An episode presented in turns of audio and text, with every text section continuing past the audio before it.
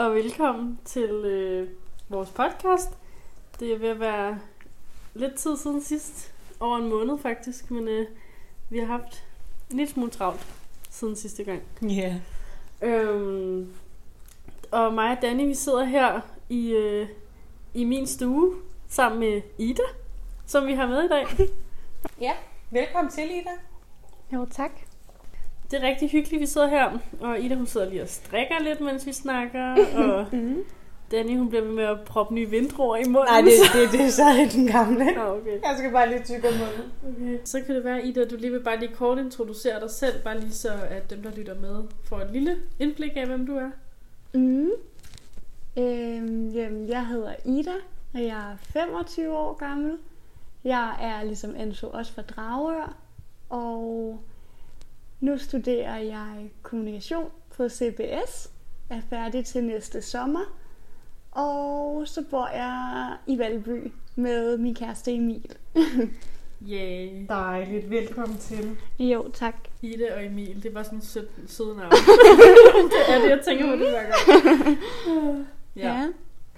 Men øhm, hvis vi bare lige tager kort siden sidste gang, er der sket noget, øh, er der sket noget nyt? Ja, nu skal du bare høre, Anto. Jeg har fået øh, erklæret kronisk tinnitus. Og det var jo faktisk derfor, at, at vi blev nødt til at rykke den her øhm, podcast på grund af, at jeg var ved at blive bims i hovedet af, at jeg konstant kunne høre en piven fra mit øre. Men øhm, Ja. det går lidt bedre nu.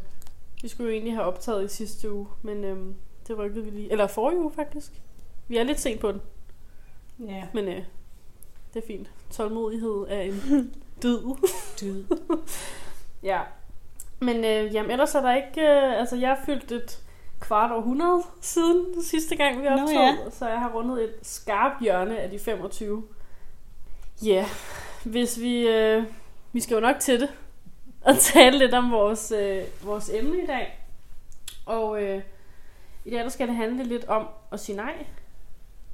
Og det kan være at sige nej på alle mulige forskellige måder. Det kan være aftaler, det kan være mad, alkohol, bare generelt ting, man, man ikke rigtig har lyst til, men som man måske kan have lidt svært ved at sige nej til. Og øh, der er en grund til, at vi har taget Ida med i dag. Ida Ja. er min veninde fra, øh, fra folkeskolen, og vi har kendt hinanden i ja, øh, rigtig mange år efterhånden. Siden 0. 20 år. klasse. 20 år. Må det efterhånden være. Shit. Ej, hvor vildt. Det må være dejligt at have sådan et gammelt venskab. Ja, det er det. Det er ikke mange, der kan sige, at de stadig er tæt venner med dem, de har gået i folkeskole. Nej, men det er det. Mm. Ja, så det er virkelig dejligt. Og øh, vi har valgt at tage dig med i dag, Ida, fordi at, da vi snakkede om det her med, at vi skulle finde nogen, vi kunne have med, som måske var lidt dårlige til at sige nej, så kom jeg bare til at tænke på dig. Ja, Og det, det behøver jo ikke nødvendigvis at være en dårlig ting. Det kan jo også godt være hele den her sådan lidt, at man gerne vil gøre alle glade og alle tilfredse, ikke? Kunne jeg forestille mig, at det handler lidt om? Jo, jo, men jeg tror også, at det handler også om, at jeg helst ikke vil gå glip af noget. Mm. At jeg kan egentlig godt... At jeg ved aldrig helt, når jeg så kommer til dagen, om jeg så måske alligevel har lyst. Mm. Og hvis jeg alligevel sådan kommer afsted til tingene, så plejer jeg jo at have det meget sjovt, og det plejer at være meget godt, at jeg kommer afsted, ja. når alt kommer til alt. ja. Så det er altid lidt den der sådan balancegang mellem at ja, finde overskud til det, men ikke skuffe nogen. Og... Ja. Der er faktisk også lidt den her FOMO-del af det, det havde jeg faktisk ikke tænkt på. Ja, Men det er jo faktisk meget. også rigtigt. Altså det her er derfor, med, det har været så nemt under corona. Fordi der har man ikke rigtig haft, eller nemt har det ikke været, men det har man, der er man mindst sådan sluppet for FOMO Ja, over at gå glip af noget, og går man nu glip af noget, hvis man tager til den her, hvis man ikke tager til den her fest, eller mm. ja, hvis man ikke tager til den her fødselsdag, eller et eller andet. ja. Vil I ikke bare lige beskrive for mig, hvad FOMO betyder? Hvorfor er det altid dig med de der udtryk, hvor du Ej, sådan, altså, hvad er det? Bejler? jeg har ikke hørt FOMO før. Jeg ved ikke, Okay, jeg lever i en helt anden verden, altså. Det står for Fear of Missing Out.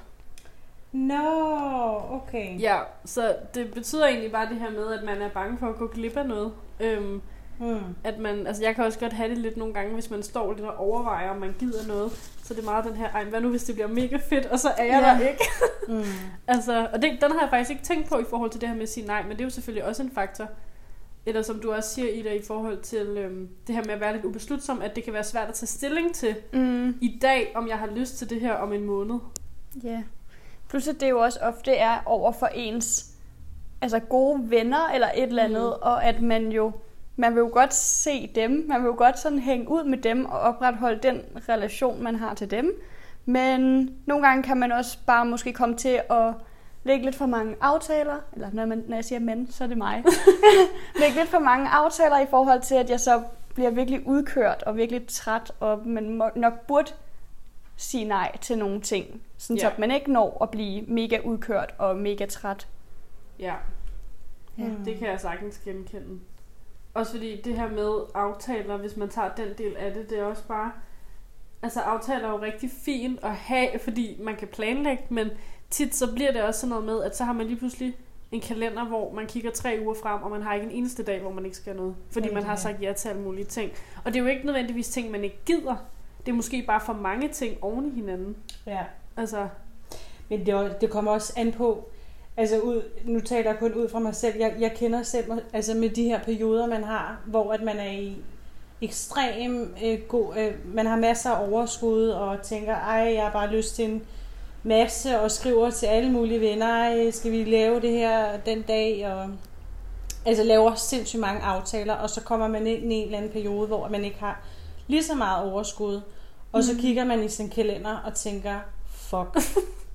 altså, de Ja. perioder, der kom, dem, dem, kommer jeg, mm, dem kommer jeg virkelig meget i, ja. ofte. Men du er så også lidt vild, fordi du har, det har vi også talt om flere gange før, men at du kan godt lide at lade op alene, og du har brug for den her alene tid, og brug for den her sådan tid til at være dig selv. Men ja. alligevel, trods det, synes jeg altid, du har sindssygt travlt. Men det er sjovt, ikke? Jo, Fordi jeg føler, jamen jeg har nemlig også travlt, men jeg ved det sgu ikke. Men jeg ved det ikke, men jeg tror nemlig, jeg er god til at jeg er god til at skabe balance i, når jeg er ude, og når jeg så er hjemme. Fordi når jeg så er hjemme, så kobler jeg virkelig af, fordi Ja. jeg ved, jeg har brug for det. ja. Men det er også fint at kende sig selv på den måde. Ja. Er du så også sådan en, der ikke rigtig svarer på beskeder, når du er hjemme og ligesom går ind i dig selv? Sådan lidt zoner ud af... Ja, det kan jeg sagtens være. Jeg, og jeg har faktisk nogle dage i løbet af ugen, hvor jeg slukker min telefon, og så er den slukket i et døgn, og så tænder jeg igen for fuldstændig at zone out. Mm. Ja. Så, så på den måde, der er jeg ret god til at koble fuldstændig af. Og det er derfor, det, det er den måde, jeg lader, det, det er den måde, jeg lader op.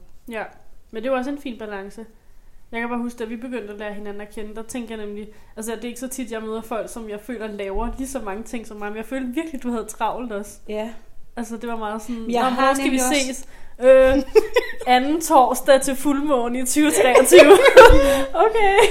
Jeg har også mange aftaler, Ja. men, men, men når det så er sagt, så kigger jeg altså også på min kalender, og så ser jeg for eksempel i den her uge, der har jeg fri i weekenden, og jeg siger til folk, at jeg kan ikke være Mm. sammen i weekenden, fordi jeg ved, jeg skal bare være helt mig selv.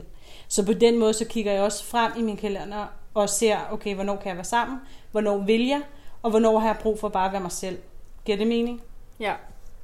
Det er virkelig dårligt. Så på den måde, så kan det godt lyde til ud af til, at jeg har sindssygt travlt, men det er altså også fordi, jeg tager rigtig meget tid også af til mig selv. Ja.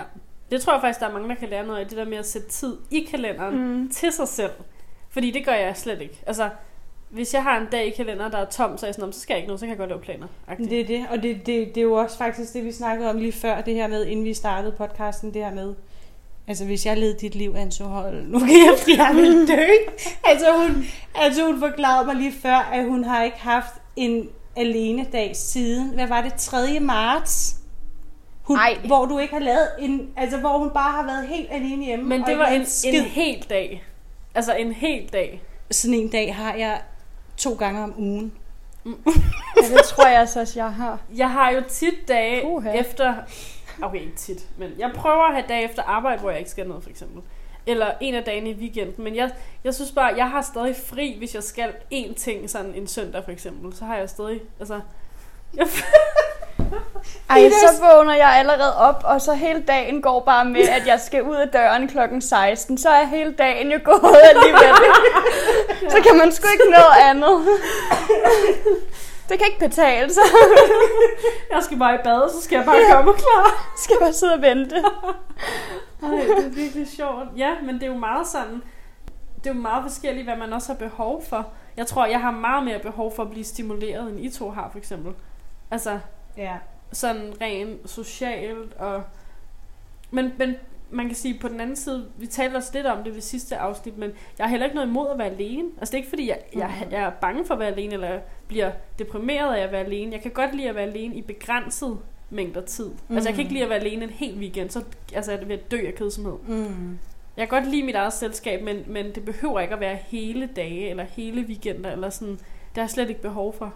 Nej, men også hvis du siger det her med, at du lader op, når du er ude. Altså, Ja. så er du jo meget den her ekstroverte type, ikke? Jo, altså jeg, jeg er meget bedre humør, hvis jeg har været ude og har været sammen med folk, end hvis jeg har siddet herhjemme en hel dag. Så er jeg sådan lidt...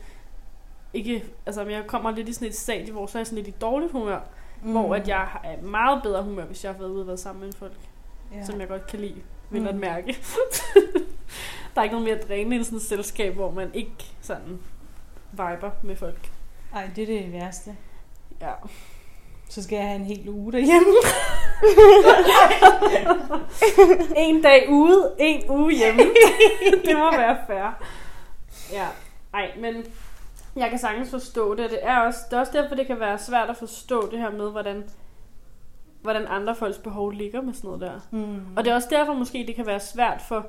Hvis man for eksempel tager mig som eksempel, og dig, at du ved, at jeg ikke har samme behov som dig, så kan det måske være svært at sige, nej, jeg kan ikke på lørdag, fordi jeg vil bare gerne være derhjemme alene. Fordi at det måske vil være svært for modtageren, modtageren at sætte sig ind i det. Mm. Forstår du? Ja, det kan jeg godt. Men, men set fra den anden side, ikke? Altså, fordi jeg ved, og det er egentlig derfor, jeg er blevet så god til det, fordi jeg ved, hvis det var for eksempel en anden person, hvis, hvis du siger til mig, Danny, øh, hvis jeg spørger, Anso, kan du være sammen på lørdag? Og du så siger, Danny, jeg, jeg kan virkelig mærke, at jeg har brug for at trække mig og være alene. Mm. Så vil jeg tænke, hold kæft, hvor er du sej, at du tør at mærke ind. Altså, og det er jo bare noget helt personligt, hvordan jeg ser på det. Mm. Altså, at man tør at mærke ind og være tro mod sig selv og mærke efter, hvad man har brug for. Der får jeg bare en respekt for dig. Ja. Der synes jeg bare, du Men det gør jeg sej. også selv. Altså, jeg synes selv, jeg elsker, når folk kan finde ud af at sige fra, hvis mm. der er noget, de Mm. ikke har lyst til. Også fordi jeg vil meget hellere have, at folk for eksempel siger fra til noget, end de sidder og bare tænker, fuck, jeg gider ikke at være her, gerne hjem. Det er det. Altså, det er jo heller ikke et godt selskab. Det tror Nej. Jeg også, man skal huske på det her med, at jeg er godt selskab i dag. Det er det. Nej, okay. Men igen, den er også svær, fordi jeg synes heller ikke, hvis man har sagt ja til noget, så synes jeg også for eksempel, det er dårlig stil at melde fra i sidste øjeblik. Ja, altså, ja, Selvfølgelig 100%. kommer an på årsagen, men det er også der, så synes jeg, så vil jeg hellere have, at folk bare fra starten af ligesom erkender, okay, jeg ved, jeg ikke kommer til at have lyst til det her. Så vil jeg hellere bare sige nej fra starten. af. Men det, det, det kan jo være, at man har lyst på dagen, så Ja. Ja, det er faktisk Men så må man også så er det ikke lidt det samme, og så vågne op og så sige, øh, at jeg kan simpelthen, jeg kan mærke, at jeg har simpelthen ikke overskud til at komme afsted i dag. Mm. Er det ikke ligesom, altså lidt det samme som at sige det på forskud? Jo. Hvis man ikke øh, stikker en altså lodret løgn, altså sådan noget, øh, jeg, jeg er fanget i lufthavnen eller et eller andet. Nå, jeg, hvor kan, har du været jeg henne? kan ikke komme, men altså ligesom bare siger det. Men det tænker jeg også, det måske har meget at gøre med, hvem det er til. Ja, men jeg tror, alt det her har meget at gøre med, hvem det er. Altså det her med at sige nej, fordi der er bare nogen, hvor der vil man sagtens bare kunne sige, jeg har simpelthen ikke overskud, og der er sket det her, og jeg kan simpelthen ikke magte at skulle ud af døren. Mm. Der er jo nogen, hvor man vil have det så fint med at sige det til dem, fordi man ved, de vil forstå, og så er der måske andre, hvor man er sådan, åh, oh, ved bare, de bliver sure, ikke? Ja. Eller sådan. Ja, det det kommer kommer- også helt an på, hvad for en aftale det er. Er det, er det en af dine tætte veninder, eller er det en eller anden veninde, du ser to gange om året, så du ved, hvad det kommer til at gå ud på? Det, du skal catch up hele tiden. Har du, Mm. overskud, har du overskud til det? Ja. Altså,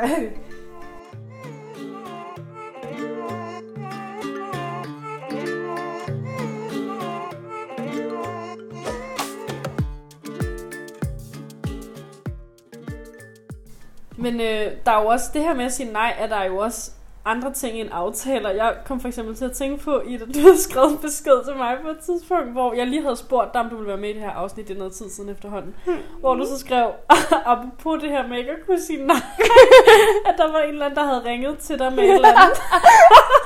og jeg kan ikke huske, hvad Nå det ja, var. nej, det var børnetelefonen. Åh oh, nej. Åh ja, det er et klassisk eksemplar. Ja. Og så bliver man fanget. Ja, det lyder også spændende. Sådan noget, hvor der er meget to mennesker. Der er sådan folk, der er sådan Jamen, jeg her, kan ikke. jeg er ikke interesseret, Nå, ellers nej. tak. Ej, det var faktisk ikke engang børnetelefonen. Det var noget ved. Børnetelefonen har også øh, ringet til mig. Dem, abonnom, eller dem øh, støtter jeg også mundligt nu. øhm, fordi jeg ikke kan sige nej. Men det var faktisk noget værre, fordi det var en eller anden brugerundersøgelse, der ringede og spurgte om øh, medievaner. Øh, og det var sådan, det er så dumt. fordi det så var sådan 8-10 minutters interview om mine medievaner. Jeg kunne bare ikke nænde at, at lægge, eller sige, at det var jeg ikke interesseret i. Øh, eller lægge på og sådan noget. Og den bliver bare længere og længere, den der undersøgelse. Og det ender med, at jeg også bliver inviteret med i sådan et brugerpanel, øhm, som hun lige ville ringe og confirme med mig dagen efter. Og det var sådan et, hvor man så skulle være altså, til rådighed en hel dag og være med i det her brugerpanel. Jeg lod så være med at tage telefonen dagen efter, så, jeg ikke skulle sige nej. For jeg simpelthen bare ikke kunne få mig selv til det. Men, så det var faktisk øh, værre end øh, en støtteorganisation, der ringer. Ja. Så går det det mindste til noget godt. Ej, men seriøst, Ja. det er bare klassikeren det her. Det er som om, de lige ved, hvem de skal gå efter os på gaden nogle gange. Ikke? ja, det, Men- der bliver er jeg også tit fanget. Det, og det er jo sådan nogle typer som dig, Ida, at de så er glade for, at der faktisk er nogen, der gider at Ja. lytte. Men det er jo også fordi, at jeg, man kan jo heller ikke sige nej, altså når de ringer.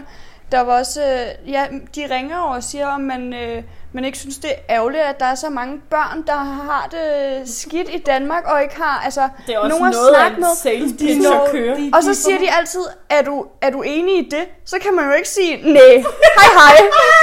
Altså det kan jeg bare ikke få mig selv til, fordi det er jo virkelig, det er jo nogle sådan reelle problemer.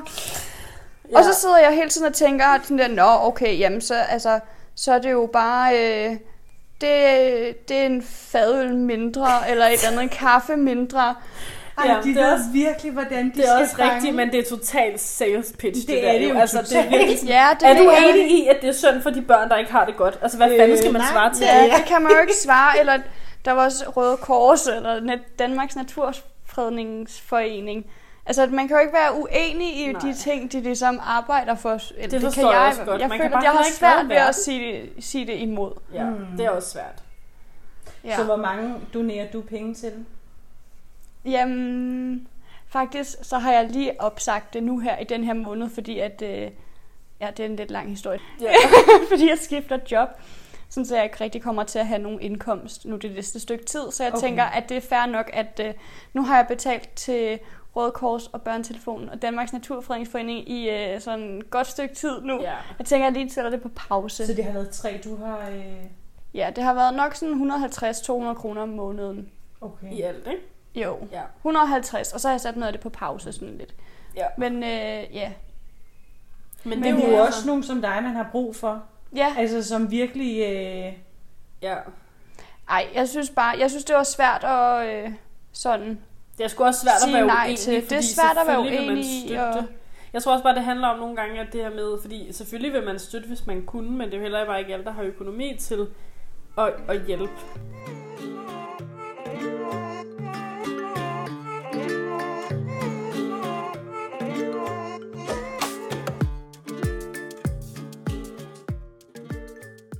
Øh, vi er back on track igen her. Og øh, kommer også lige til at tænke på, at der faktisk også ligger et rigtig stort emne i det her med at sige nej tak, når det handler om alkohol og mad generelt. De her lidt mindre ting, men som kulturelt fylder sindssygt meget. Den, øh, jeg har i hvert fald mærket den på mange områder, især i forhold til mad. Øh, af, af flere årsager egentlig. For det første, så spiser jeg ikke kød, øhm, hvilket også har været meget sådan en, Nå, hvorfor gør du ikke det? Og hvorfor skal du ikke have det? Og hvorfor siger du nej til det? Og sådan, den har jeg også kunne mærke, den har man lige skulle, skulle sluge. I hvert fald indtil folk har forstået, Hmm. hvorfor.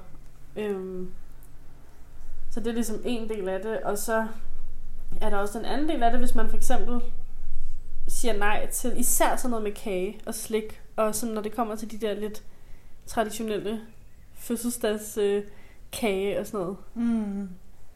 Nu har jeg i hvert fald, nu bliver det også lidt øh, personligt, men for to år siden var jeg igennem et, øh, et forløb med en personlig træner med kostplan og træning og alt sådan noget. Der holdt jeg sådan en rimelig stram øh, kostplan med, med få kalorier i 6 måneder. Øhm, og der skulle jeg jo tit sige nej til, for eksempel hvis folk gik rundt med et kagefad, eller hvis man var til fødselsdag, og der var lavkage, og man fadet gik rundt, og man var sådan, åh nej, nu kommer den ned til mig lige om lidt. og så skulle man sidde der og være sådan, ellers tak, og så skulle folk være sådan, når du på kur eller sådan noget. Mm. Øhm, ja. Men, Karsten. men hvordan opfatter du det spørgsmål? Altså, Jeg føler, at den måde, som, altså den måde, jeg har fået spørgsmålet på, på, har jeg ofte følt, at det har været sådan lidt, som om folk bliver lidt halvfornærmet over det. Okay. Og det er mere den måde, det bliver sådan, det er den her med, nå, vil du ikke have min kage? Og så bliver det, kommer det ud lidt på sådan en, når du er måske på kur, eller hvad? Som sådan en, Mm. mm. lidt sådan, som om man er lidt åndssvagt, at man ikke vil have kage. Eller som om, at man føler, at man er bedre end andre, fordi man kan finde ud af at sige nej til kage. mm. Og den kan jeg huske, den synes jeg var lidt ubehagelig, fordi jeg kæmper jo også med at sige nej ja. til et stykke kage. Jeg vil gerne have det der stykke kage. ja. Så det er sådan... ja, og så kan jeg godt forstå, at de, det er irriterende, at de ikke bare forstår et nej, at de ikke altså, bliver ved med at spørge ind, så du måske til sidst siger, okay, så giv mig det fucking stykke kage. Mm. Altså på den måde, der Men kan det jeg er godt det. se det. Men der oplevede jeg så til gengæld også, at hvis jeg så sagde, nej, men det er fordi, jeg er på kostplan, så forstod folk det godt. Så var folk sådan, ah, okay, sejt og sådan noget. Så synes folk, det var mega cool. Hvor jeg sådan, det er da også fedt, og tak for det. Men jeg synes bare stadig, det er vildt, at man skal komme med en så konkret årsag, som i princippet er rimelig personlig, alt efter hvilket selskab man er i. At man er i gang med et forløb, hvor man taber sig. Sådan, det synes jeg, der er ret personligt. Mm. Altså det er da ikke sikkert, at man lige har lyst til at sidde og dele den del af sit liv med den person, man lige sidder ved siden af til et selskab. Altså forstår du, hvad jeg mener? Mm. Det er sådan, det er bare vildt, at der skal så konkret en årsag til, før folk accepterer et nej. Mm. Øhm, og den synes jeg bare tit, og det kan selvfølgelig også godt være mig, der opfatter det sådan. Ja. Jeg føler både, man har et ansvar som modtager, men også som afsender af sådan nogen. Fordi Ja. selvfølgelig så kan man jo også godt være i en lidt mere sårbar situation og opfatte tingene anderledes, end de egentlig er ment. Det oplever jeg i hvert fald tit fra den anden side. Mm. Altså jeg oplever tit, at folk opfatter ting, jeg siger anderledes, end jeg mener dem. Så det kan jo gå begge veje. Ja. Men det er meget interessant, at du har den indgangsvinkel på det, fordi jeg er jo netop hende typen, der spørger ind til, hvorfor vil du ikke have med kage, eller hvorfor vil du ikke, fordi jeg er nysgerrig Mm. af sind, sådan. Men også som du fortalte, Ida, det her med, at, hvad var det, du sagde? Når at, man, at det jo er sådan lidt for at skabe en relation til mennesker ofte. Ja. Altså, det er jo sådan... Ja, En måde at bonde på. ja, det være? ja, eller sådan, det er jo en måde at ligesom snakke med folk på. Ja. Og så at man måske opfatter det anderledes end hvad det måske er tiltænkt. Altså jeg tænker også, at det siger nok mere om dem, hvis de bliver sure over, at man siger nej til kage. Det, det kan jo selvfølgelig godt være en samtale starter på en eller anden måde. Fordi hvis man Ja. sidder, altså som vi også talte om, hvis man sidder til et eller andet, og der så er nogen, der siger nej til kage, og man er sådan, nå, spiser du ikke kage? Eller sådan, det kan jo godt, det er ligesom at være sådan, nå, det er godt vejr i dag, var. Altså, du ved, det kan jo godt være lidt Det er jo sådan, det. small talk starter, og det, kan, det er selvfølgelig ikke en ond mening i den. Der har afsenderen jo ikke nogen ond mening, Mm-mm. forestiller jeg mig. Mm-mm. Øhm, men ja, har jeg aldrig prøvet det? Altså har jeg aldrig prøvet sådan at have det lidt dårligt med at skulle sige nej til et eller andet, som nogen serverer af en eller anden årsag? Jo, det har jeg det, fordi jeg har da også været på masser af slankekurer igennem mit liv, så jeg kan, jeg kan sagtens relatere, men jeg har aldrig sådan blevet sur eller altså sådan irriteret over, at folk spørger ind til det. Nej. Jeg synes, det kommer rigtig meget an på, hvordan folk spørger. 100 Fordi jeg synes, der er kæmpe stor forskel på at sige, øh, Nå, er du, er du ikke så meget til kage? Eller er du... Og så kan man sige, nej, jeg er egentlig bare lidt mæt. Okay, fair mm. nok. Og så på at sige, når du er måske på kur, eller hvad? Jeg synes, der er forskel. Ja, ja, Jeg synes, der er forskel i er jo- ordvalget og sådan... ja. Og der er jo mange årsager til, hvorfor man kan sige nej. Jeg har glutenallergi, eller Præcis. jeg, jeg kan ikke tåle nødder, eller jeg ved ikke, hvad du har proppet Det i den det. der kage, så jeg tør sgu ikke lige at smage. Det er det, men der, skal du, der siger du jo så stadig, nej tak, jeg kan ikke tåle nødder. Ja, Altså det er mere det der med, at folk forventer lidt en, en øh, årsag årsag. til, Der du på siger nej. udveksling, der var der nogen, der serverede en kage. Det, jeg var i Canada. Øhm, der var nogen, der serverede en brownie. Der var ret meget hash i. Jeg tog ikke noget af det selv, men der var jo ikke nogen, der sagde... Altså dem, der blev budt, de, de sagde jo ikke nej, fordi man tænker jo ligesom ikke øh, lige, hvad der var i. Men jeg ved ikke lige, hvad pointen med den her historie var. Det var, fordi du sagde, at man ikke vidste, hvad der var i kagen. Ja, Ah, ja. jamen det er det. Det var Ja. bare en lille Men det kan jo også være en grund til, at historie. man siger nej. Altså, det kan jo også godt være en grund til, at man siger nej, hvis man er et eller andet sted, hvor man måske ikke er helt tryg ved situationen, hvad folk har brugt i den her kage. Og det var en klam kage. Jamen, det er det. Ja. Og så skal man jo også have lov til bare at sige, ved du hvad, ellers tak. ja. Ja, men øhm, så det Ej, synes det jeg lyder fald. fedt. Ja, Et eller andet sted i Canada. de og så- forstår heldigvis ikke dansk, så jeg kan godt sige, at det var en klam kage. Eller det så klamt ud. Ej, ja, det er fordi i Canada, eller der i Montreal, hvor jeg var, der var der, så var, eller hashen var næsten lige blevet legaliseret, så der var ret meget øh, Ah. hash mange steder i Ja. mange ting. Det er ikke lige noget, jeg gør mig i, men Nej. øh, det skal man da bare have lov til, hvis man synes, hvis man godt vil det. ja. Det kan være, at der er en af jer, der vil starte den lidt i forhold til alkohol. Men der synes jeg, at øhm, eller for mit eget vedkommende, så er det ikke så meget, at jeg føler et pres af andre, men nok mere af mig selv, eller sådan, at hvis jeg siger til mig selv, ej, i aften, der, øh, der drikker jeg sgu bare colaer. Det er fint nok. Så ved jeg bare alligevel, at når jeg kommer derover, der er god stemning, og man bliver budt et glas vin, eller man, der er drinks i bogle eller et eller andet. Altså, Ja. så ved jeg bare, at så, så kan jeg alligevel ikke rigtig helt sige nej, fordi jeg synes alligevel, det er en eller anden form for sådan... Altså, en eller anden form for sådan... Det er jo Sådan fællesskabsting også. ja eller lækkert, men jeg har så måske heller aldrig rigtig gjort mig det der med at sådan... Det vil jeg ikke tyre sådan en hel ramme bajer ned. Altså Nej. på den måde kan jeg godt sige nej, men jeg synes, at det der med at sådan drikke et glas vin, eller Mm. en drink, eller et eller andet, eller sådan, ja, så tager jeg det er en glas jo det andet. Ja, sådan er det. men Ja. Jeg, jeg synes tit, også- at det kan være sådan der, også lige så meget en selv, der har lidt svært ved at sætte grænser, i stedet for at man føler sig presset Mm. af andre Mm. til at sige nej. Ja, jeg Især tror, med det alkohol. vigtigste er bare, at man, sådan, at man gør det, fordi man selv har lyst til det. Fordi en ting er, at man har lavet en aftale med sig selv, sådan, jeg skal ikke drikke i aften, og man så alligevel kommer derhen og sådan, ej, jeg vil sgu gerne have et glas vin. Det synes jeg er fint nok. Det er mere det der med, at man ikke kan lide at sige nej, selvom man gerne vil sige nej. Mm. Det er der, jeg synes, det bliver lidt et problem. Og vi har bare en, altså det er jo nærmest et helt afsnit for sig selv, men vi har jo en syg alkoholkultur i det her land. Altså det synes jeg virkelig. Syg! Ej, Det jeg var synes- virkelig en understregning. Jeg synes virkelig, den er sindssyg. Altså, jeg synes virkelig, det er utroligt, at det er sådan alle sociale ting. Nu skal det ikke lyde som om, jeg ikke drikker alkohol, fordi det gør jeg. Men jeg synes bare, at det bliver meget omdrejningspunktet. Det, er sådan, det handler ikke om, nu skal vi have det fedt. Det handler om, nu skal vi drikke. Mm. Og jeg, for, jeg forstår det 100%, men jeg synes bare, det er lidt ekskluderende for, for folk, der måske ikke har lyst til at drikke, men rigtig gerne vil være med og have det pissegriner. Ja, jeg havde faktisk en ret interessant snak med en af mine venner angående det her med, at hvorfor skal man, hvorfor, hvorfor er det, at man altid forbinder hygge, eller at man skal fejre, eller man skal altid have alkohol, eller en øl, eller du ved, og det er helt fint, og det, jeg, jeg elsker selv på en helt hot, sommervarm dag at nyde en, en kold bajer.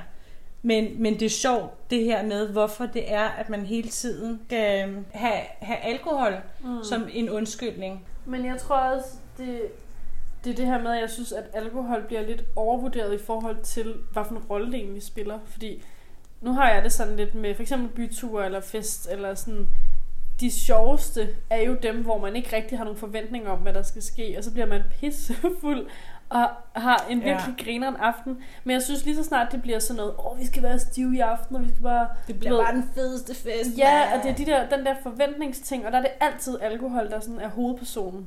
Mm. Hvor at Nytårsaften. Ja, præcis. Det er seriøst en klassiker nytårsaften. Ja. Det er meget sådan... Jeg føler også nogle gange sådan... Jeg, jeg har aldrig set der... Okay, det, okay det, det er løgn. Men sådan en, der siger, at jeg skal bare være virkelig fuld i aften eller et eller andet. Fordi nogle gange kan man godt have den der, at det skal man bare. Fordi man har lyst. Præcis, fordi man har lyst. Men jeg synes tit, så kommer det sådan lidt an på stemningen også, om man har lyst til at drikke sig fuld, eller om man har lyst til at drikke mm. en cola. Altså, fordi, kender I ikke det? Altså det der med, at når man kommer til et eller andet, jeg planlægger i hvert fald ikke altid, at jeg skal være fuld. Nogle gange så sker det bare. Mm. Men altså har det ikke meget med sådan ens, øh, hvem man lige er sammen, eller ens omgangskreds? Fordi Jo. Jeg, jeg synes, det er sådan, hvis jeg lige tænker på mig selv, så er det meget, meget lang tid siden, hvor man har siddet og været sådan der, hold kæft, vi skal være stive. jo. Altså sådan, det, Men det er, at mere, det er måske det er også meget sådan dem, man øh, hænger ud med. Ja. Ja. Men også fordi det der med, at nu skal vi være fulde, det er meget en forventning, man pådutter over på andre. Sådan, hvis jeg nu sidder, nu skal vi være fulde, som om nu fortæller jeg dig, at du skal drikke dig fuld i aften, selvom du måske ikke har lyst. Mm. Ja, men altså, det er jo et helt emne for sig selv. Jeg synes bare, man i hvert fald skal passe på med ikke at være alt for sådan alt for optaget af, hvad andre folk gør, når det kommer til alkohol. Ja. Fordi jeg har intet imod, at folk drikker sig fulde, og jeg har kørt, altså, jeg tror mere, det er den der med, at andre folk har så travlt med, hvad jeg har i mit glas. Mm. Men kan man så ikke bare lade være med at være venner med dem? Jo, men nogle gange kan det Tænker. måske være svært, hvis det ikke er sådan, hvis det er nogle grupper. Ja, Jeg ved i hvert fald fra mig selv, at jeg kan sagtens finde på, hvis jeg er til et eller andet, og jeg måske skal køre hjem, eller at jeg bare ikke lige har lyst til at drikke, eller jeg skal tidligt op, eller ja. Så kan jeg godt finde på at tage en sodavand og hælde den op i et glas og putte isterninger og en sugerør i, sådan så at folk ikke kan se, at jeg går rundt og drikker en faxe. Fordi så får jeg ikke den der, drikker du sodavand? Fordi den, har, den, kan jeg, den kan jeg sagtens genkende, det har jeg prøvet mange gange. Men, men så er du ikke helt ligeglad med, hvad folk tænker, eller er det bare fordi, at Jeg orker det bare ikke. du overgår Altså jeg orker bare ikke at skulle øh, stå der og være sådan... skulle forklare? Jamen også igen, det er det her med årsagerne. Altså så skal, nå, er det fordi du skal op på arbejde i morgen? Nå, er det fordi du skal køre hjem? Nå, er det fordi du er på penicillin? Nå, er du gravid? Altså, Mm. det er sådan folk, hvis man siger nej tak, så er det som om man skal lidt have en, nej tak, jeg skal køre hjem. mm. Eller nej tak, jeg skal tidligt op i morgen. Eller sådan, hvorfor kan man ikke bare sige nej tak, og så gå videre til det næste? Men tror du ikke også, altså fordi grunden til, at jeg er nysgerrig sind, det er også for at komme ind på, på dig som person. Altså grunden til, at man spørger, altså nu taler jeg ud fra mig selv, når jeg spørger ind til, hvorfor du ikke drikker, så det er jo fordi, jeg er nysgerrig på, hvem du er som person, og på den måde, så bliver der jo også skabt en relation. Det kan godt være, at det starter ud som small talk, men så, så, så i, i og med, at jeg spørger dig ind, så, så lærer jeg dig bedre at kende, og så bum, og så Forstår ja, du? ja, ja, ja. Forstår udmærket. Altså fordi jeg tror folk, der spørger, fordi jeg kan godt høre, at vi er meget forskellige på den der med, at du vil bare have, at folk ikke spørger rigtigt. Men jeg er Men det- nemlig meget den der, der spørger. Jeg synes bare, igen, det kommer meget an på, hvordan man spørger, det kommer meget an på, hvem det er. Mm. Fordi jeg tror bare, man skal passe på med ikke at møde folk med sådan en, hvad er der galt med dig, fordi at du siger nej til øl. Ja, det er nok det, du har mødt så meget, ikke? Siden du altså sådan, har sådan... Jo, og det har jeg bare oplevet meget også tidligere, da jeg dansede rigtig meget, hvor jeg gik meget til turneringer, og der kunne jeg bare ikke drikke mig fuld hver weekend i gymnasiet, ligesom Nej. Mange af de andre. Og der, altså nu er det ikke kun i gymnasiet, det er også efterfølgende, og det kommer selvfølgelig meget an på grupperne. Altså som Ida også siger, det kommer an på, hvem man, hvilken gruppe. Der er selvfølgelig nogle grupper, der er værre end andre til sådan noget der, men ja.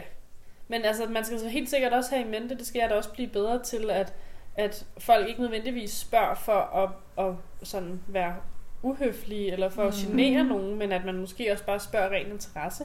Præcis. Øh, det kan jeg da også godt i princippet selv finde på, hvis jeg har lagt mærke til, at nogen måske flere gange har sagt nej, og jeg aldrig nogensinde har set dem drikke en øl eller et eller andet, og bare være sådan om, altså bare ren nysgerrighed være sådan, om drikker du ikke alkohol, eller sådan, ikke, som, Mm. mm. ikke på sådan en, hvad, hvad, der, hvad der er galt med dig, men mere sådan en What a nysgerrighed. strong man. Ja, fordi jeg synes også, det er mega sejt at kunne stå, altså stå lidt ved sin egen. Hvis man ikke har lyst, så skal man da også bare sige nej. Jeg har vel også oplevet sådan lidt gruppepres, også da man var lidt yngre. 100 I procent, forhold til alkohol, og altså, Mm. jeg tror bare, den er, jeg tror bare, nogle gange, nu er vi i en alder nu, vi er alle sammen 25, 26, Ja, du er 26. det er old. Olle, Olle. Jeg har fået mit første grå hår. det er rigtigt. Jeg fik mit allerførste Oh, oh, no. grå hår i mit øjenbryn. I er det ikke øjenbrynet. vildt? Har du det stadig? Nej, jeg Har har det fjernet væk? det, men det, Det kommer tilbage. helt hvidt, gør det. Ja. Og så fjernede det igen. Men ja. Okay, tæt irriterende kommentar. Det kommer tilbage, det ved du godt, ikke? Gør det, hvorfor gør det det? Nå, så er der ikke, så er der ikke Nej, mere er det farve jo i hårsækken? Men, ja, nej, præcis. Oh my god. Ja, nå, den kan du. Nå, men det var overhovedet ikke det. Det jeg vil sige, det var, at det måske også var værre, da man var lidt yngre, det der med at skulle skille sig ud fra mængden og sige nej. Det var måske endnu sværere, da man var 17, end når man er 25, ikke? Altså, Altså, ja, der, altså fordi med cigaretter også, skal du have en Mm. cigaret, og altså, jeg, og det, det irriterer mig så meget, fordi det var jo under gruppepres, da, eller også fordi, at man gerne vil føle sig lidt sej, ikke, og føle sig en del af fællesskabet og sådan, at man blev altså, spurgt. I virkeligheden, så ville jeg jo ikke, men det jeg gerne ville, var at være en del af fællesskabet, så det var derfor, jeg endte med at sige ja. ja. Og der endte jeg så også med at blive fastryger i, jeg ved ikke hvor mange år. Jamen, det er det. altså, Er det så- virkelig det værd? jamen, det er det. Ja. Men noget vi også godt kan blive enige om her, selvom at vi måske alle tre har det forskelligt med det her med at sige nej, så kan vi i hvert fald blive enige om, at alt ikke er så sort-hvidt, som man nogle gange godt kan, som jeg i hvert fald personligt godt kan stille tingene op nogle gange. Mm. Altså det her med, der er ikke en måde at opfatte tingene på, og der er heller ikke en måde at spørge om tingene på. Nej. Og som vi har snakket om i det andet afsnit også, alles udgangspunkter er forskellige, og det samme gælder med sådan noget her. Mm. Det kan jo også godt være, at der er nogen, der siger nej til noget, fordi måske at de gerne vil spørge os om, hvorfor. Mm. For eksempel. Altså det kan man jo ikke vide. Og det er jo det, der er svært, altså fordi, hvor mange, hvor mange er vi i den her verden? Alt for mange. Okay. Men, men alle de her mennesker, vi- der er på den her planet, ikke? vi lever i ud fra vores helt egen virkelighed. Mm. Og skal sidde og analysere, hvordan den ene opfatter det ud fra den anden. Det kan man ikke. Men, men, men man analyserer jo deres virkelighed ud fra din egen virkelighed. Mm. Ida, har du nogensinde prøvet at, at måske ikke have lyst til at tage med til noget, fordi at du for eksempel ikke skulle drikke? Har du prøvet det? Altså det her med, at man, fordi det er jo der, det bliver et problem, at man ikke føler, at man kan komme til noget, fordi man måske ikke skal drikke. Mm, ja, men ja, men jeg tror bare, at de fleste gange, så har det jo endt med at være meget sjovt alligevel. Ja. Jeg tror ikke rigtig, det har taget mig i nogle situationer, hvor jeg har sådan, altså gjort et eller andet, som jeg så virkelig ikke ville. Nej. Øhm, men igen, at det måske også har meget at gøre med ens, hvem man så er sammen med, eller ens omgangskreds. Mm. Jeg tror, jeg har sådan har generelt måske en lidt lille omgangskreds, sådan en, en, den samme kerne af venner, både jer fra folkeskolen, men også Mm. fra gymnasiet, eller nu fra studie og sådan noget. Ja. Altså at man ligesom, at man måske har skåret meget af det fra, ja. Sådan så at man har en omgangskreds, hvor sådan noget måske ikke rigtig sker, Ja. Hmm. hvis det giver mening. Det giver super god mening. Jeg synes ikke, der er nogen tidspunkter, altså ofte hvis jeg har svært ved at sige nej til noget, så det er mere fordi, at jeg tænker, at åh, jamen, det kunne også være dejligt at ligge derhjemme og bare lade op og bare slappe af. Ja. Men at når jeg så endelig kommer afsted, så har jeg det jo stadigvæk. ja. Så ender det jo med at være sjovt, og jeg ender jo med at være glad for at være afsted. Men ja, Men den kan man også virkelig genkende, den der med, at man måske et eller andet sted ligger derhjemme, og man er sådan, åh, oh, jeg orker bare ikke, det her jeg skal i dag. Og så gør man det, og så er man bare sådan, fuck, det var fedt. Ja. Hvorfor, tog jeg, hvorfor overvejer jeg overhovedet ikke at tage afsted, ikke? ja. Mm. Og det, er det er også der, hvor det der FOMO måske kommer lidt i spil, og man er bange for at gå glip af en, noget, der kunne være fedt. ja. Jeg tror også, Men, ja. men hvad, hvad vil der ske, hvis altså, dig, der er bange, eller jeg begge to, når I er bange for at gå glip af noget, hvad, hvad sker der, når I så går glip Ja, af der det? sker jo ikke rigtig noget. Nej. Ingenting. Jeg tror, jeg kommer bare lige til at tænke på under den her corona, ikke? Jeg tror virkelig mange, der har lidt af det der FOMO. Hold op, jeg lyder... Jeg, jeg har lært noget nyt i dag. FOMO. Men jeg tænker virkelig på folk under corona, der så har haft, eller lider af det her FOMO, virkelig har haft det fedt under corona, fordi Mm. mm. de har ikke skulle forholde sig til at sige nej, eller gå glip af noget, fordi mm. der er ikke Mhm. sket en skid. Og man har haft det så godt ved at ligge derhjemme og se Ja. 17 sæsoner af Grace. Og vide, der jeg skete alligevel ikke andet. Nej. Mm. Nej, men det er rigtigt. Ja. Men synes I, at, at I er blevet bedre eller dårligere til at sige nej med alderen? Okay, det lyder som om vi er 40, men siden man var 18 for eksempel. Eller sådan, fordi jeg synes, altså jeg synes personligt, jeg er blevet bedre til det. Og det er egentlig ikke, fordi jeg siger nej eller ja til rigtig meget, fordi jeg gerne vil. Men mm. jeg synes også, det er ok at sige nej til noget, man så ikke har lyst til. Jeg er for eksempel god til, synes jeg selv, hvis jeg bliver inviteret til et eller andet, og nu snakker vi ikke tætte veninders fødselsdag eller tæt familie, men sådan lidt langt ude, hvor jeg tænker, for dem, der holder det her, vil det ikke gøre nogen forskel, om jeg er der eller ej. Mm. Mm-mm. Der synes jeg, at jeg er blevet god til at sige fra starten af, øhm, jeg kommer ikke. Men tror du ikke også i takt af, at man bliver ældre, at man står, altså og i og med, at man bliver ældre og altså begynder at lære sig selv at mere at kende og kender sine egne værdier og Ja. holdninger, at man derfra bliver bedre til at sige nej. Altså fordi Jo, men jeg tror også bare, at man år- bliver mere selektiv er efter, det. hvad man gider at lave, og hvem især det her med, hvem man gider at bruge tid med. Det synes jeg i hvert fald er noget, man kan mærke ved at være blevet lidt ældre, at virkelig selektiv omkring, hvem jeg gider at bruge tid med. Mm. Hvor tidligere var det sådan lidt, jamen så var man inde i gym, og så var der en eller anden gruppe, der skulle et eller andet, og så gjorde man det og sådan. Men Ja, det der med at sige nej til ting, som man ved bare på forhånd allerede nu, at jeg ikke har lyst til. ja, det er det. Men ja. Men igen, det kan også, hvis man er meget ubeslutsom. Altså, Ida, du er en af de mest ubeslutsomme mennesker, jeg kender. Og det behøver Ja. ikke nødvendigvis at være en dårlig ting, fordi det betyder jo også... Mest At en man er- dårlig ting. Jo, jo, men det kan jo også godt være, at man er åben for, hvad end man har lyst til på det tidspunkt. I stedet for at lukke ned for det ene, og så fortryde senere hen. Mm. Altså, der synes jeg, du er meget god. Det er, jeg tror også, grunden til, at du er så ubeslutsom med rigtig mange ting, det er, fordi du ser det fra begge sider. Altså, du ser Mm. tit tingene fra sådan, okay, men så vil det være sådan her, men det kunne også være sådan her, agtigt. Ja. Hvordan- Hvordan ubeslutsom vil du give mig et et- Altså, jeg er ret... Øh, jamen, altså, jeg vil godt bare holde mange muligheder åbne. Mm. Mm. Øhm, altså, jeg er meget ubeslutsom med ja, et rigtig kedeligt eksempel med sådan noget med øh, eksamener eller studieopgaver. Sådan nogle ting. Jeg har svært ved at sætte mig fast på et emne, fordi jeg vil gerne vil så meget. Ja. Ah, Og lidt ligesom med aftaler og med alt muligt andet. Jeg kan godt lide at ligesom kan holde mulighed. mulighederne Ja. åbne, indtil at det ligesom er dagen, hvor at det så skal ske, eller Mm. hvor at, at det så er deadline for at tage den beslutning. Der kan Ja. jeg godt lide at holde sådan Ja. mulighederne åbne, fordi at det kan være, at man så lige har lyst til det den dag. Øh, ja, ja. jeg tror, det er det, der Men det er også tit sådan noget med at købe ting, ikke? Altså, sådan Jo, noget med, altså, Ida har jo fået billeder op nu. Åh, oh, det har taget mig to år. Altså på billeder på væggen. Ja. Ja. Du kan ikke beslutte sig, hvad det skulle Jeg være. kunne ikke beslutte mig for motiv, eller hvad for nogle plakater, for jeg vil godt finde nogen på noget loppemarked eller et eller andet. Og så tager det jo noget tid at finde, og jeg vil ikke sætte den op på væggen, hvis jeg bliver træt af det. Og jeg bliver nok meget hurtigt træt af Ja, men så sådan materielle... Nej, det ved jeg ikke, om jeg gør.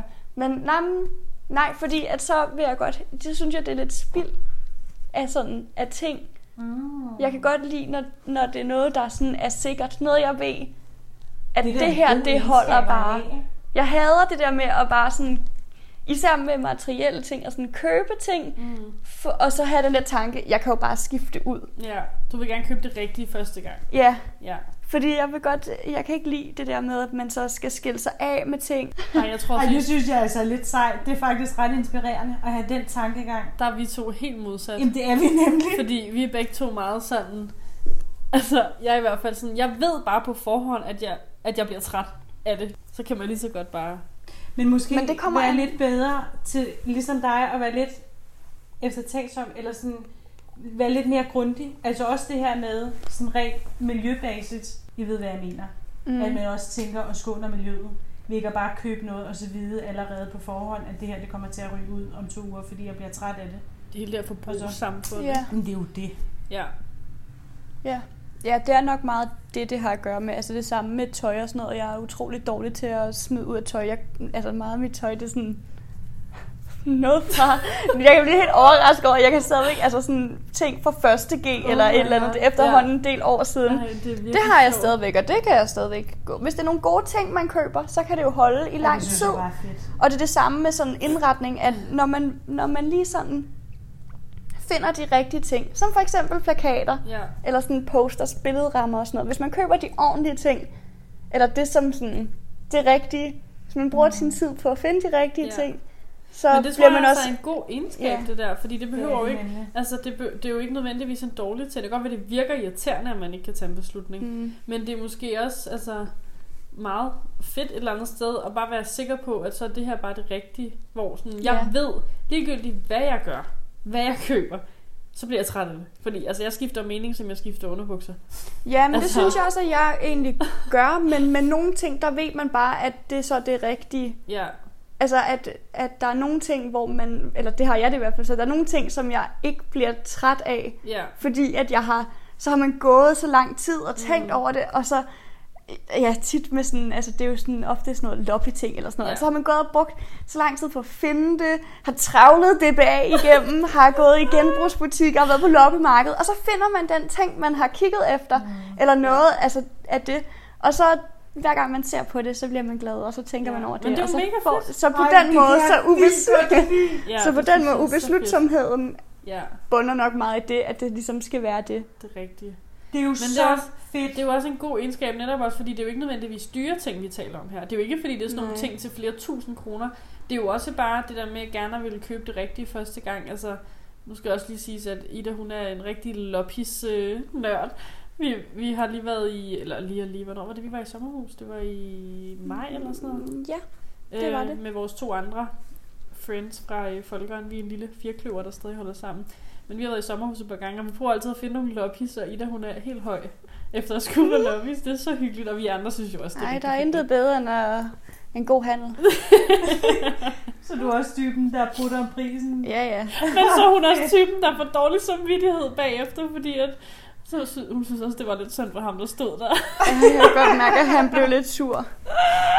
Men så har man også fået det til en god pris. Ja, Kan det, man det, sige. Det, Ja. det, det. Han skal, Man han skal ikke gå derfra bare. uden at... Nej, det er det.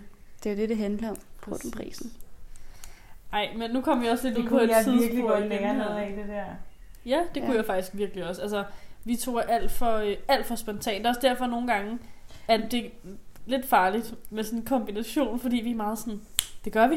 Ja, men også, men, og, og, os to i Føtex, og når vi er ude at handle, altså, det er jo bare at guide hinanden op til, ej, den der, den vil jeg gerne have, ej ja, gør det. Eller hvor man selv står og tænker, ej, skal jeg købe den, eller skal jeg lade være? Så er der Anto, der siger, køb den, du ved, du får brug for den. Altså, der skulle jeg hellere have dig med ud i Jeg har dårlig Ja. indflydelse. Ikke tage ud og shoppe med mig. Nej, nej, men der kunne jeg virkelig lære noget Ja, det kunne jeg virkelig også. Men, med øh, mit overforbrug. Jeg tror, en, en kombi er ja, ja, godt. Det tror jeg også. Ja. Det synes jeg i hvert fald, jeg kan mærke på nogle af mine veninder, der er bedre til at sådan der afgrænse sig. Ja. Og så sige, nu gør vi det her. Mm. Ja. At det er en god kombi at ligesom have begge dele. Ja, Mm. Eller ligesom kunne kombinere de to ting. ja. I et venskab ja. for eksempel. Det tror jeg faktisk er en god konklusion Ja. på det. Faktisk hele afsnittet sådan emne det her med, at det er en balance, fordi man skal kunne finde ud af at sige nej, mm. hvis der er noget, man ikke har lyst til. Men at det også er okay nogle gange, at man lider en lille smule af FOMO og gerne vil, mm. altså ikke, måske ikke rigtig kan tage stilling til endnu, om man har lyst til at sige nej til det her eller ej. Mm. Og så igen det her med balancen også mellem at huske på, at tingene er heller ikke altid, som du opfatter dem. For eksempel, hvis folk stiller spørgsmålstegn ved, at du ikke spiser det her, eller drikker det her, eller du ikke vil det her, eller sådan, at det er okay at stille spørgsmål. Ja. Fordi den kunne jeg i hvert fald godt lære noget af. Mm. Mm. Men den kan vi jo øh, gå over i afsnittets vise ord. Ja. Og øh, jeg synes faktisk, det er en god en, du har fundet den her gang. Så kommer de vise ord her. Ja, jeg har læst en bog med Dalai Lama. Uh. Og han er virkelig en vis mand. Meget, meget interessant bog. Og øh, et citat, jeg tager med derfra i forbindelse med det her emne i den her podcast, det er hver gang, han, han beskriver det her med, hver gang du står over for en, et valg, hvor du ikke lige helt ved, hvad du skal sige eller svare til, så spørg dig selv, vil det her gøre dig, han siger, vil det gøre dig lykkelig? Og hvis svaret så er nej, så, så kender du svaret, hvad du skal svare på. Men for at gøre det lidt mere øh, ikke så fint, så bare spørg, om det gør dig glad. Mm. Gør det her dig glad Ja, ved at sige ja, eller gør det her dig glad ved at sige nej. den tror jeg altså er sindssygt god, den der. Fordi jeg prøver virkelig at leve mere i nuet, sådan generelt. Og den tror jeg også bare er god at have med, den her. Uanset hvad får jeg ud af det, alt det der, har jeg lyst til det her? Gør Ja. det, vil det gøre mig glad at tage med til det her? Vil det gøre mig glad at sige ja til det her? Mm. Så gør det. Mm. Og hvis svaret er nej, så lad være. Det er det.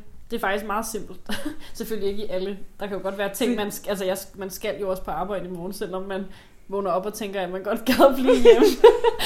Men altså, jeg forstår udmærket tankegangen, og jeg synes, den er rigtig god at have i mente.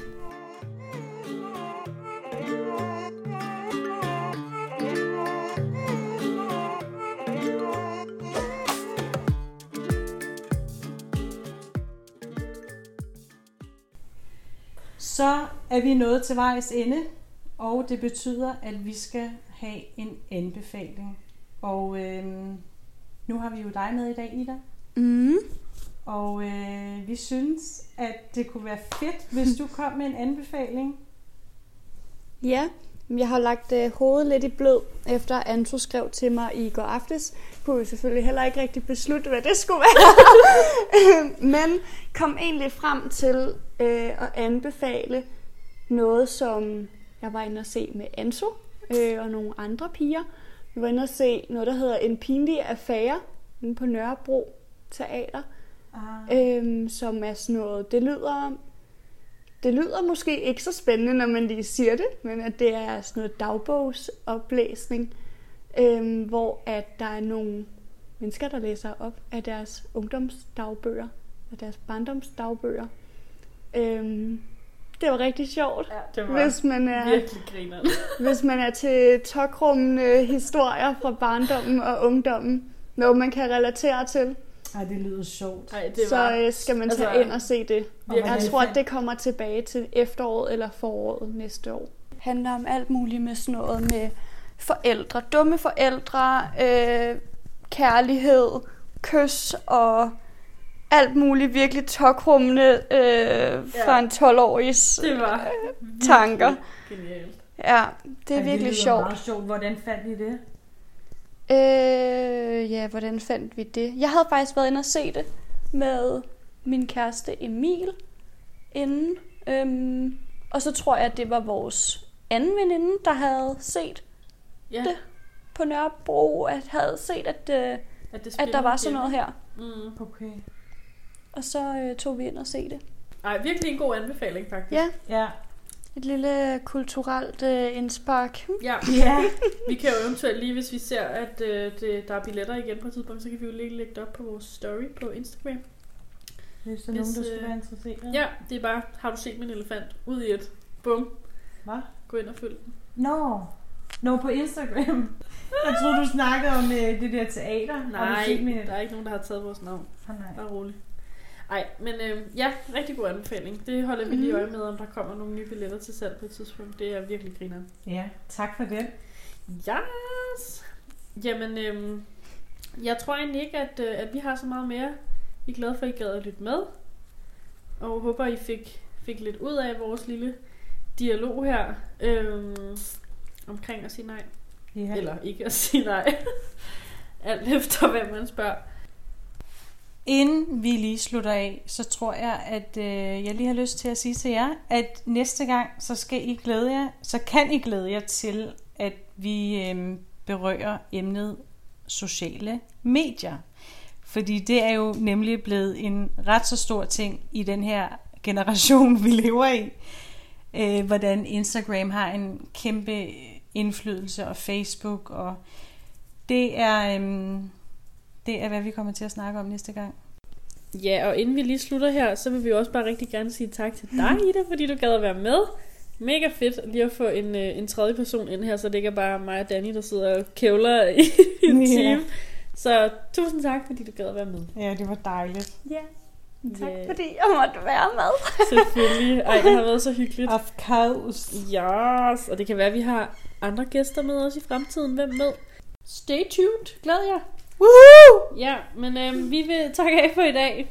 Kan I have det, som I ser ud? Skide Pisse fantastisk. hej hej! Hej!